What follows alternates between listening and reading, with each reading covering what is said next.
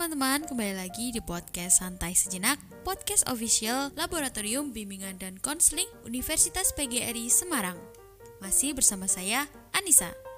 Di lingkungan mana pun pasti kita pernah merasa kecewa dengan orang lain. Misalnya, kalau di kampus atau pas kerja kelompok, ada pekerjaan atau tugas salah satu anggota kelompok yang tidak selesai atau berantakan.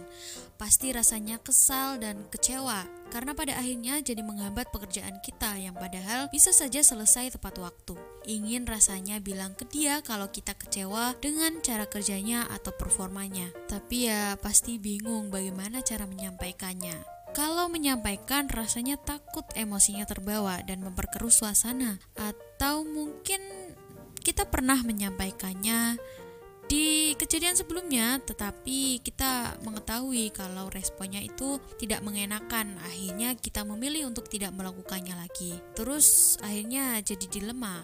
Kalau tidak disampaikan dan dibiarkan akan menjadi masalah terus-menerus. Tapi kalau disampaikan mungkin saja akan menjadi masalah baru.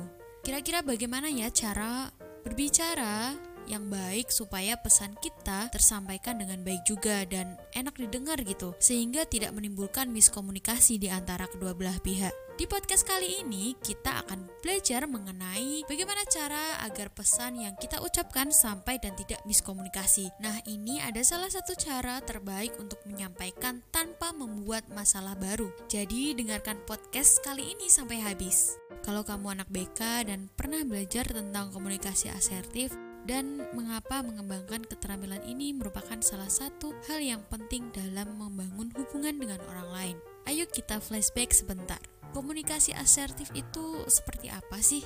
Menurut VA Healthcare, komunikasi asertif adalah salah satu cara berkomunikasi dan mengekspresikan pikiran, perasaan, dan pendapat dengan cara membuat sudut pandang dan kebutuhan kita dapat dimengerti dengan jelas oleh orang lain tanpa kita menyepelekan pikiran, perasaan, atau pendapat mereka. Singkatnya, menjadi asertif adalah bagaimana cara kita menyampaikan pendapat dan perasaan kita secara terbuka dan jujur, serta pantas tetapi masih menghormati dan menghargai orang lain. Dari definisinya sendiri, kita bisa tahu kenapa komunikasi asertif adalah salah satu hal yang sangat penting Salah satunya adalah e, supaya orang lain bisa mengerti dengan jelas apa yang kita rasakan dan apa yang kita pikirkan. Kunci dari asertif ini adalah untuk saling menghargai yang pada akhirnya bisa memberikan kenyamanan satu sama lain untuk membicarakan permasalahan dan mencari jalan tengah yang adil dan enak untuk kedua belah pihak karena kunci dari gaya komunikasi ini adalah saling menghargai. Banyak keuntungan yang bisa didapatkan tapi akan kita garis bawahi tiga yang paling penting. Yang pertama adalah kita bisa menjadi teman kerja atau teman kelompok yang baik dan hebat sehingga pada akhirnya orang lain akan berlaku hal yang sama kepada kita. Bukankah menyenangkan ada tim yang saling menghargai? Kedua, kita bisa bernegosiasi menghasilkan win-win solution. Ketika kita bernegosiasi, kita bisa menghasilkan solusi yang sama untung untuk kedua belah pihak, tidak hanya untung untuk salah satu pihak saja. Nah, yang paling penting, kita dapat menyampaikan pesan dengan jelas dan tidak menimbulkan miskomunikasi dengan orang-orang di sekitar kita. Nah, mari bersama-sama belajar mengenai komunikasi asertif yang paling efektif untuk kalian yang merasa sudah berbicara dengan jelas tentang apa yang dirasakan, tetapi tetap saja tidak sampai dan malah terkadang menimbulkan kesalahpahaman. Nah, ternyata sebenarnya selama ini mungkin saja karena kita cenderung suka berbicara dengan menggunakan yang disebut dengan you statement. Nah, apa itu you statement? Oke, contoh kalimat dari you statement seperti ini. Kamu tuh lagi-lagi kayak gini ya? Atau kamu tuh kenapa sih? Kenapa performa kerjamu jadi begini? Seperti itu kurang lebih. Nah, apakah kalian merasakan perbedaannya? Intinya, you statement adalah sebuah kalimat yang kita ucapkan ke orang lain dan dimulai dengan kata kamu atau dimulai dengan menyebut dia terlebih dahulu.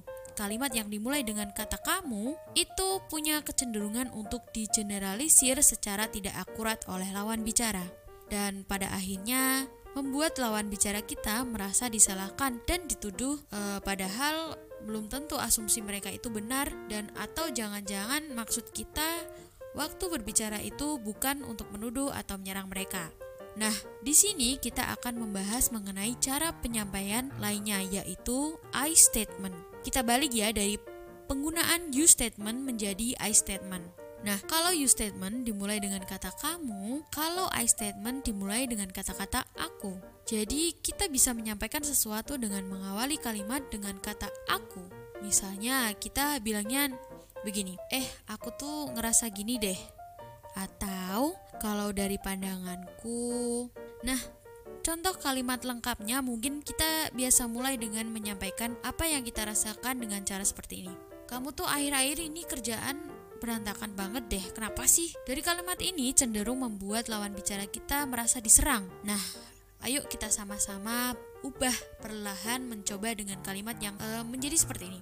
Kalau dari yang aku rasain, akhir-akhir ini kayaknya kamu kerjanya lagi nggak kayak biasanya deh, lagi ada masalah ya. Coba rasakan bedanya, di mana ketika kalimat dimulai dengan kata kamu dan dimulai dengan kata aku.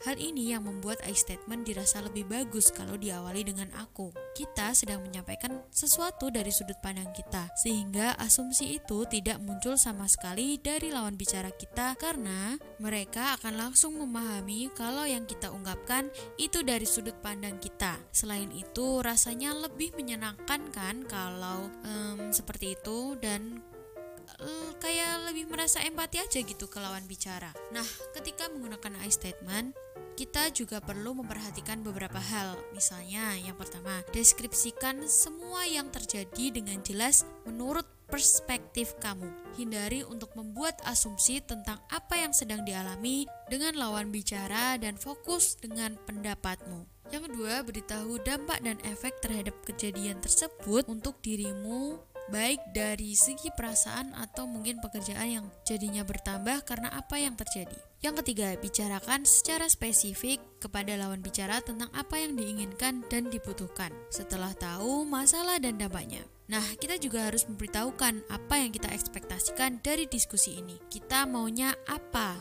Dan supaya selesai aja gitu masalahnya dan bisa menemukan jalan keluar yang sama-sama membuat senang dan mengenakan kedua belah pihak. Jadi asertif ataupun menggunakan I statement secara langsung itu memang tidak mudah, butuh banyak latihan dan juga pengetahuan. Ya, istilahnya tidak mungkin kita menjadi asertif langsung. Perlu proses tentunya, tapi intinya karena kita sudah tahu dan sudah lebih paham, kita bisa mulai langsung praktik nih. Kita bisa mendapatkan info lebih banyak mengenai komunikasi asertif dari berbagai media. Tentunya kita harus terbiasa terlebih dahulu untuk bisa berkomunikasi secara efektif. Nah, ayo mulai sekarang berlatih berkomunikasi dengan baik agar lawan bicara kita tidak salah paham dengan apa yang kita maksud sebenarnya. Semoga podcast kali ini bermanfaat untuk kalian. Terima kasih sudah mendengarkan dan jangan lupa bahagia hari ini. Sampai jumpa di episode selanjutnya.